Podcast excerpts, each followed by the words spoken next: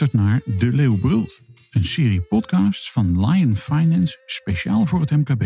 Over ondernemen, financiële dienstverlening en vooruitkijkspiegels. Ter inspiratie en om MKB-ondernemers verder te helpen op weg naar rust, resultaat en rendement.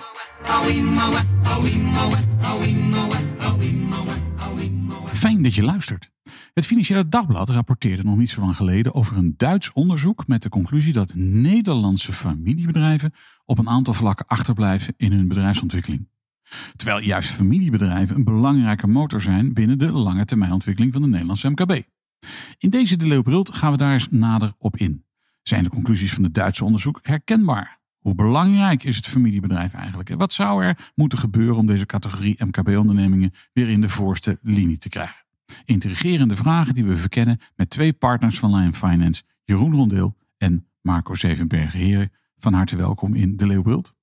Dankjewel, coach. Leuk jullie te willen zijn. Uh, Jeroen, mag ik bij jou eens beginnen? Uh, de Tilburg University heeft, uh, heeft onderzoek gedaan en die zegt...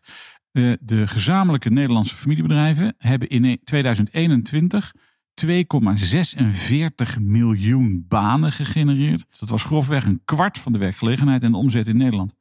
Familiebedrijven zijn dus heel belangrijk voor de Nederlandse economie en, de Nederlands, en, het, en het Nederlands bedrijfsleven. Maar beseffen we dat nou eigenlijk wel genoeg? Nou, dat, uh, dat is nog maar de vraag. Uh, 2,5 miljoen banen en 400 miljard uh, euro omzet inderdaad. Uh, en dan als je de discussies in de politiek volgt en je beluistert het debat in de Tweede Kamer... dan gaat het heel vaak over het bedrijfsleven. En dan wordt met het bedrijfsleven vooral de AEX-index bedoeld. En dan gaat het niet echt over de MKB-bedrijven, bedrijven die wij als uh, klant hebben. Um, in de regelgeving zie je het ook eigenlijk op dezelfde manier. Er wordt voor regelgeving gemaakt voor de, ja, de corporates. Maar de effecten die dat hebben op het MKB, daar is niet altijd aandacht voor. Je hoort ehm, daar vanuit MKB Nederland wel eens klachten over. Maar wij weten ook dat VNO-NCW veel prominenter vaak in het nieuws is dan, dan MKB Nederland. Ja, en daarmee wordt ook een beetje uh, de, loka de, functie, de lokale functie die bedrijven hebben, die deze bedrijven hebben, wordt ook een beetje tekort gedaan. Dus ik, uh, ik denk dat daar nog wel een heleboel te wensen over is. Dat zou ik denken, denken eh, Marco. De meeste mensen hebben geen idee. Er zijn heel veel, uh, ja, er zijn heel veel familiebedrijven en heel veel MKB-bedrijven. En uh, ja, kijk om je heen. Maar wie werkt waar? Ja. Nou ja, maar ik, ik, herken het punt van Jeroen heel erg. In, in op dit moment in de politiek en ook in de publiciteit. En als het gaat over het bedrijfsleven, dan hebben we het over inderdaad hele grote jongens en meisjes. Uh, en daar zijn er heel weinig van in dit, in dit land aan het eind van de dag. Maar er zijn honderdduizenden bedrijven, waarvan een groot deel familiebedrijven uh, zijn. En ook familiebedrijven, komen we straks nog op terug. Dat zijn niet alleen de CNA's uh, van de familie Brenningmeijer. Maar dat zijn ook gewoon, dat is ook de bakker op de hoek. Dat is ook de, de, de aannemer. Dat is ook een familiebedrijf, toch? Ja, zeker. En het grappige is, uh, Jeroen maakt net de, de vergelijking met, uh, met de corporates. Maar zelfs ook binnen uh, familiebedrijven wordt er ook vaak alleen beredeneerd alsof ieder familiebedrijf Heineken is. Hè? Of ieder wordt vaak ook alleen naar de hele grote gekeken. En vervolgens, als je. Kijk, de meeste familiebedrijven zijn toch de aannemers, de, de glazenwassers waar een heel belangrijk deel van de economie op draait. Maar is dat nou een, is dat nou een frame of, of, of is het gewoon onwetendheid? Nou, het is in elk geval een gevaarlijk frame. Want als het gaat over uh, discussies in de politiek, wordt nu al heel snel gezegd: kijk eens, uh, de schandalige winsten die Shell op dit moment maakt en de energiebedrijven. En daar moet de overheid toch wat aan doen. En voor je het weet, uh, wordt, worden alle bedrijven over één kam geschoren. Alsof er geen coronacrisis is geweest, alsof er geen impact is geweest van de enorme inflatie die werd te danken aan uh, de verandering op het wereldtoneel en de inval van Rusland in Oekraïne. Dus er is heel veel aan de hand. Er zijn ook heel veel bedrijven die het goed door de crisis zijn gekomen. Er zijn ook heel veel bedrijven in, in het MKB die het heel erg moeilijk hebben. dus het is heel belangrijk dat we daar goed onderscheid in maken. En dat er ook ehm, ja, voor elk bedrijf kritisch gekeken wordt naar wat, wat die nodig hebben. Nou, je ziet ook dat, dat heel veel regelgeving of nou ja, maatregelen. Uh, bijvoorbeeld als de bedrijfsopvolgingsregeling uh, nu uh, nou ja, waarschijnlijk komt te verdwijnen. En ik heb het gevoel dat er dan alleen wordt beredeneerd vanuit een, die hele rijke families die dat niet nodig hebben. Ja. Maar die regeling die was nou juist voor die wat kleinere familiebedrijven, waar er heel, heel veel van zijn. En die dus niet de middelen hebben om, uh, om dat zo uh, makkelijk door te zetten. Dus daar is zo'n regeling uh, bittere noodzaak. Nee. En anders zullen, ja, zullen ze dus eerder geneigd zijn om, om, om het bedrijf te verkopen in plaats van aan binnen de generatie door te geven. En dat zou heel erg zonde zijn. Ja, dat zou zeker zonde zijn. Daar komen we zo meteen ook op terug. En ik heb wel eens het idee, maar nogmaals voor mijn eigen rekening. Ik heb wel eens het idee dat er in de Nederlandse politiek bijna niemand meer is die ooit nog een bedrijf echt van binnen gezien heeft. Nou, dat, eh, dat, dat denk ik ook. Maar we moeten er wel een beetje een leuke podcast van ja, maken. Dus laten we daar niet ja, te veel... Laten, we eens een beetje, laten we eens een beetje inzoomen op die familiebedrijven, Marco. De, de, kenmerken. Nou, een van de kenmerken is dat zij wat, wat meer lange termijn visie hebben. In, in relatie tot het, nou ja, de heigerigheid van de corporates. Kun je daar iets over vertellen? Kenmerken van een familiebedrijf? Uh, familiebedrijven de meeste familiebedrijven zijn toch echt gericht op continuïteit. en uh, dus ook inderdaad die, uh, die lange termijnvisie. Uh, wat minder op, op, op, op, op winstbejag. zijn vaak ook minder extern of helemaal niet extern gefinancierd. Je zou kunnen zeggen erg voorzichtig. Maar dat maakt wel dat ze heel erg vaak wat sterker zijn. En op het moment dat het dan even minder zit, uh, ja, dan zijn ze ook bereid om daar wat extra. Uh, nou, dan kunnen ze dat redelijk goed doorstaan. Dan wel zijn ze ook bereid om uh, wat minder winst te accepteren of minder, mindere resultaten, zelfs verlies te accepteren. Nou, het woord corona is gevallen. Een van de, de kenmerken van familiebedrijven was dat zij hun mensen binnenhielden. en niet eruit gooiden ten tijde van corona. Dat is een kenmerk van een familiebedrijf. Niet, het niet het exclusieve kenmerk van een familiebedrijf, maar dat zag je daar wel veel.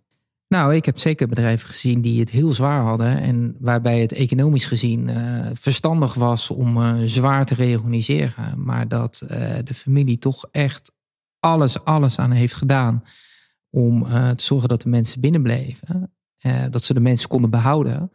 En ja, die zijn er soms best op ingeteerd. En dat wordt wel eens uh, wordt wel eens vergeten. En zeker in de media wordt er ook nog wel eens een ander beeld van gegeven. En dat is zonde, want uh, kijk, uh, wat ik zei, ze zitten er voor de lange termijn in. Maar dat gaat soms zo ver dat ze soms beslissingen nemen over de generaties heen. En ja, dat zal je bij een corporate, ja, dat, dat het eerstvolgende nieuws, persbericht is, is belangrijk. Natuurlijk is daar ook wel een strategie, maar dat is toch allemaal wat meer gericht op op uh, vandaag, misschien morgen. En een, precies. En een ander kenmerk van familiebedrijf vind ik dat, eh, tenminste dat is mijn ervaring, is dat um, heel veel families achter bedrijven, uh, dat die um, heel actief zijn in de sociaal-maatschappelijke sfeer. Zitten in stichtingen of hebben stichtingen of doen op het gebied van van alles en nog wat. er zijn allerlei initiatieven waarbij je families achter familiebedrijven of familiebedrijven die zo'n stichting hebben, heel actief zijn in het maatschappelijke domein, toch? Nou, heel veel familiebedrijven zijn lokaal uh, gericht. En je ziet dan ook dat ze maar uh, lokaal betrokken zijn. En daardoor ook uh, hun steentje proberen bij te dragen. Omdat het soms goed is voor de maatschappij. Ook, ook goed is voor het bedrijf. goed voor het netwerk. Maar echt weer iets willen. Maar ook iets willen, willen bijdragen voor, voor het lokale. En dat, ja, dat zie je bij ja, grote bedrijven. Dus dat natuurlijk op een, die doen ook dingen, maar op een andere manier. En dat is vaak minder lokaal. Herken je dit ook? Jazeker. Um, we hadden het net over, uh, over die regelgeving. En een van de zaken, daar komen we volgens mij later ook nog op terug. Uh, dat is het uh, internationale maatschappelijk verantwoord ondernemen. Waar ehm, de CEO van Boskalis nogal boos over werd. Uh, maar dat soort, dat soort uh, regelgeving, als je kijkt van wat lokale bedrijven zelf al doen, hè, die zijn vaak al heel duurzaam en heel sociaal in hun eigen uh, omgeving. Dat is ook omdat ze daar moeten functioneren. Uh, zij, zij zijn daar onderdeel van het sociale netwerk. Zij kunnen zich natuurlijk niet permitteren om daar allebei, allerlei dingen te doen die niet in het belang zijn, ook van de lokale gemeenschap. Dus uh, ja, dat is ook. tuurlijk, ze zijn lokaal heel erg aanwezig, maar dat is ook een feitelijke noodzaak als je kijkt naar de continuïteit van die bedrijven. Ze zijn een onderdeel van de samenleving. Zo voelen ze het ook, hè? Zeker.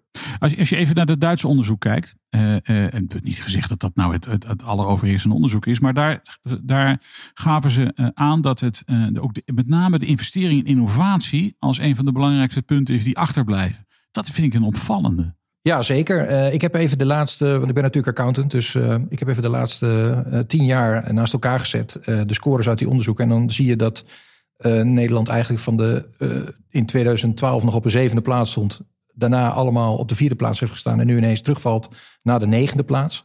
in dat onderzoek. En dat heeft met name ook met belastingen te maken. En ja, we weten allemaal, als je belasting heft, dan kan je niet investeren. Dat geld wat je daarvoor gebruikt, kan je niet investeren.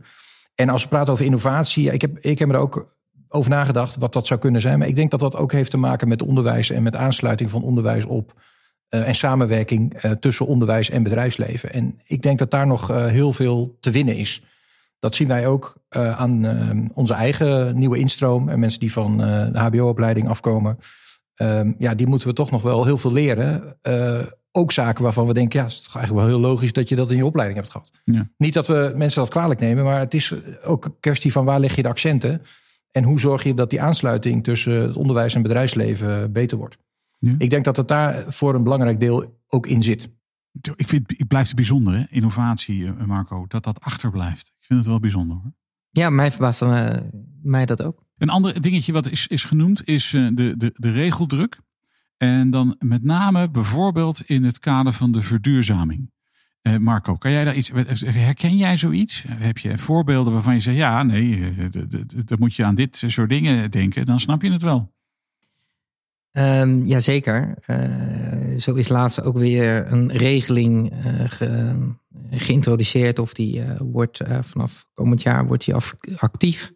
Dat bedrijven die bijvoorbeeld met meer dan 100 man personeel die moeten dan per moeten dan gaan bijhouden van al hun personeel waar de zakelijke ritten mee gemaakt zijn. Of, maar ook woon-werkverkeer, of er een fiets is gebruikt, of er een auto, wat voor soort brandstof, hybride, elektrisch. En, en die moeten dat, dat dus voor alle mensen gaan bijhouden. En vervolgens moeten ze daarover rapporteren. En uh, vervolgens is het plan ook om dat misschien nog wel naar de grens op 50 werknemers uh, nou, heb je in ieder geval, gaan leggen. En dat is van de 49 FTE, want één FTE heb je nodig om dit bij te houden. Nou ja, kijk, het, op zich, weet je, uh, ik vind maatregelen die, die helpen om te verduurzamen, vind ik, uh, ben ik alleen maar voor. Maar dit is dus een, een, een, een maatregel die heel veel administratieve lasten met zich meebrengt. En ja, gaan bedrijven daardoor de juiste investeringen doen? Nou, ik, vraag, ik vraag mij af, laat zo Ik vraag me af, Jeroen, bij, bij welk probleem hoort deze oplossing? Ja, dat, uh, dat is een goede inderdaad. En, en zo zie je vaker dat dingen die voor uh, uh, duurzaamheidsverslagen, daar gaan we toch ook steeds meer naartoe.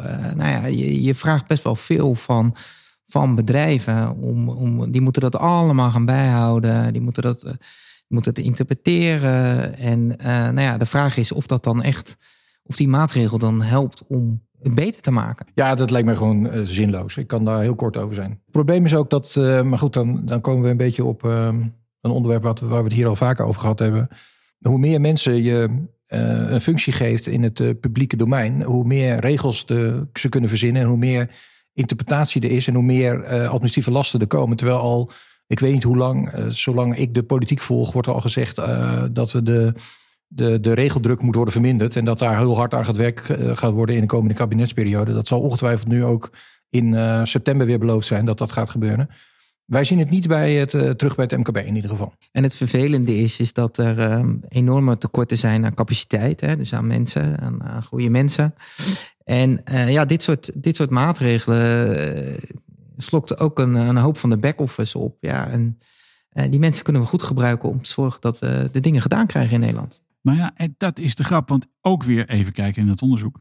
Daar is de verhouding tussen arbeidskosten en productiviteit, wordt daarin uh, genoemd.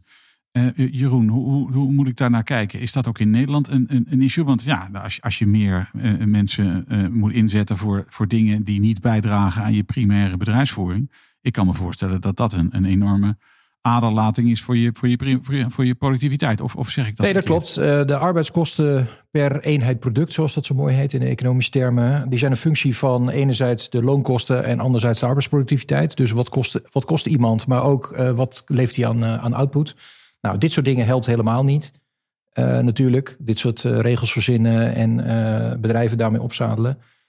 Uh, ja, wat ik ook altijd lastige vind is, wij hebben natuurlijk een uh, hele rijke arbeidsrecht vanuit uh, de werknemer geredeneerd. En daar wordt natuurlijk ook, ehm, ja, komen steeds meer regelingen bij en mogelijkheden bij voor werknemers om ehm, ja, even een tijd niet te hoeven werken. Dat is natuurlijk super, super leuk vanuit de werknemer geredeneerd.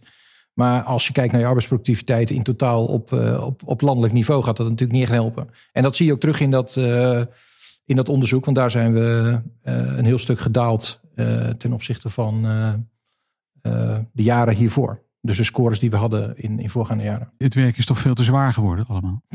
Ja, um, dat klopt. Het lijkt een beetje op. Um, ik las laatst nog een artikel dat artificial intelligence ons gaat helpen om uh, uh, in de toekomst nog maar een 12-urige werkweek te hebben. Het lijkt erop dat we in Nederland daar al een beetje een voorschot op genomen hebben. Alleen ja, het geld moet wel eerst uh, verdiend worden. ik ben het met je eens, Marco. Hoe kijk jij daarnaar? Nou ja, je ziet dat op, op verschillende vlakken. Hè. In ons vakgebied, bijvoorbeeld met het, het boekhouden. Ja, ook daarvan, de automatisering wordt iedere keer beter. Dus in eerste instantie dachten wij ook van, nou ja, dat, daar komen geen, geen mensen meer aan te pas. Maar je ziet dat de inrichting, eh, het, eh, de inrichting van het systeem, het monitoren, het eh, beoordelen van wat er uitkomt, dat wordt alleen maar steeds belangrijker. En dat zal voorlopig ook nog wel door mensen gedaan worden. En je ziet dat daar eigenlijk alleen maar meer werk uitkomt. Zeker. Nou ja, in dit huis hebben we het altijd over cijfers as a service. En natuurlijk, er, er wordt geautomatiseerd, dat mogen zo zijn. maar aan het eind van de dag is de, de, de, de, primaire toegevoegde waarde die jullie leveren, heeft te maken met dat je goed weet hoe dingen uh, lopen, dat je goed kunt nadenken, goed kunt interpreteren. Met andere woorden, dat het het menselijk brein is die uiteindelijk het verschil maakt om een ja, Het is een combinatie van. Precies. Kijk het naar die Nederlandse familiebedrijven. Wat moet er gebeuren wat jullie betreft? Of is het een algemeenheid in, in Nederland in het MKB? Het, punt 1 is van dat we is, durven het MKB te erkennen als wat zij is. En, en, niet al die verhaaltjes te vertellen en die flauwekul op te roepen. Alsof het allemaal corporate zijn en allemaal nou, ik, dukjes. Koos, uh, mijn persoonlijke mening is, is dat de, deze groep echt wat onderbelicht is. En niet de waardering krijgt die het, uh, die het verdient. Dit zijn vaak families die heel hard werken. En uh, stinkend hun best doen om, uh, om, het, uh, om het allemaal te regelen. En hun hoofd ook vaak boven water te, te houden. Zeker als het dan even tegen zit. En het zou zonde zijn, omdat we, waar we het over gehad hebben, hè, ze zorgen voor continuïteit. Ze zijn belangrijk in het lokale maatschappelijke, het lokale maatschappelijke welzijn. daar dragen ze een mooie steen in bij. En je ziet toch dat veel families ermee stoppen. En dat, dat uh, je ziet toch een hoop uh, kinderen die zeggen van... joh, pa, ma, ik uh, verkoop de boel maar. Want ik ga wat anders doen. En, dat is toch wel jammer. of er wordt gekozen voor, ja, toch ook voor de korte termijn. Nou ja, oké, dan ga ik mijn pensioen maar veilig stellen. Dan ga ik het verkopen. En dat, dat is echt zonde. Want 9 van de 10 keer komen deze, dit soort bedrijven dan in handen van... Nou ja, wat grotere concerns, internationale bedrijven. En die hebben dus ja, wat minder die kenmerken wat zo'n familiebedrijf wat juist zo uniek maakt. Ja. Nou, het is bijna, bijna paradoxaal, hè? want je hoort in de politiek, dus ook niet helemaal terecht, dat die heel erg te hoop gaan tegen private equity en, en dat soort dingen. Nou ja, nu hiermee drijf je die bedrijven, drijf je in de handen van dit soort partijen. Ja, kijk, private equity is niet, is, hè, is niet verkeerd. Private equity is fantastisch voor, voor bedrijven die uh, zeker hard willen, willen groeien. Alleen, ja, dat zijn niet vaak dit soort bedrijven. Dit, dit zijn vaak wat, wat bedrijven die wat uh, ja, zorgen voor continuïteit. En die, uh, die zijn ook wel op zoek naar groei. Maar ja, die hoeven niet uh, binnen, binnen vijf jaar binnen te zijn. Want ze willen het graag doorgeven aan de volgende generatie. Wat moeten we doen, Jeroen? Wat we moeten doen? Ehm, zou, ik zal het even uitleggen. Ten eerste Stem Jeroen. moeten, we, moeten we eens een keer het lef hebben om nou echt te werken aan minder regeldruk, met name in het MKB. Wij, daar zijn de mensen niet om al die gekke regeltjes uh, uit te voeren en daar rapportjes over te schrijven. Dat is één. En ik heb ooit een keer een heel mooi verhaal gehoord in Zwolle, waar ze een regelluwe zone hadden gecreëerd voor bedrijven die daar gewoon konden functioneren. Waarbij, natuurlijk, dat moet niet een een, hoe zeg je dat, een wetteloze bende worden. Dat, dat is helemaal niet wat ik voorstel. Maar maak het nou gewoon eens even simpel. We, gaan, we, gaan, we hebben net gezegd, die uh, bedrijven hebben een hele grote lokale functie. Ze zijn van nature al meer gericht op duurzaamheid en sociaal dan, dan, dan menig corporate bedrijf. Dus laten we nou die mensen een beetje met rust laten en zorgen dat ze gewoon hun werk kunnen doen, geld kunnen verdienen en, en, en, en met hun werknemers er een mooi, mooi succes van kunnen maken. Het tweede wat ik vind dat er moet gebeuren is gunstige belastingregels. We moeten uh, zorgen dat. Kijk, elke euro die je aan belasting hebt, kan je niet investeren. Dus als we nou vinden dat uh, investeren in innovatie een probleem is, dan is dat de manier om, uh, om daar wat aan te doen. En het laatste heb ik het ook al even over gehad. Wij moeten echt als land serieus gaan investeren in onderwijs. Onderwijs dat aansluit op het bedrijfsleven. Daar hebben we echt iets aan. En dat is niet alleen in het MBO. Uh, moet dat gelden. Dat moet op alle niveaus gelden. Want um, ook in het wetenschappelijk onderwijs zouden ze zich achter hun oren moeten krabben en eens kijken hoeveel mensen nu werkelijk uiteindelijk eindigen in het wetenschappelijk onderwijs en hoeveel het bedrijfsleven ingaan. Dat zou de norm moeten zijn om te zorgen dat je onderwijs op maat maakt. Nou ja, de grap is, hou dat vaak tegenover mensen in het onderwijs aan. Dat uh, als je tegenwoordig in het MKB uh, solliciteert en 70 van elke 100 leerlingen CBS-cijfer komt in het MKB terecht in Nederland. Uh, als je daar als, als jonge nieuwe werknemer daar terechtkomt, dan word je niet geselecteerd op basis van je kennis of van je diploma's. Dan word je geselecteerd op basis van je vaardigheden in combinatie met je kennis. Mm -hmm. En het, en het traditionele Nederlandse onderwijs is volledig kennisgedreven.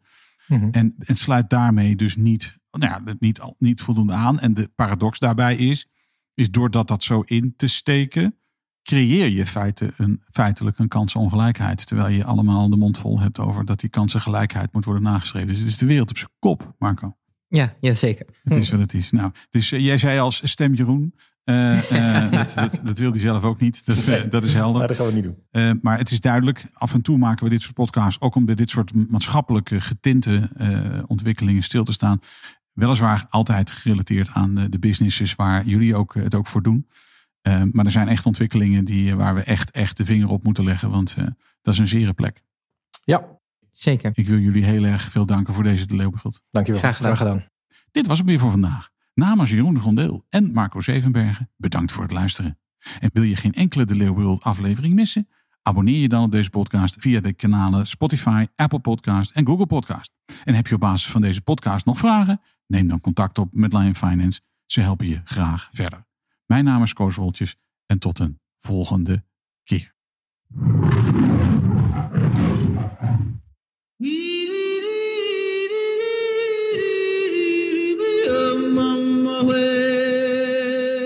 U luisterde naar De Leeuwbult, een podcast van Lion Finance, speciaal voor het MKB.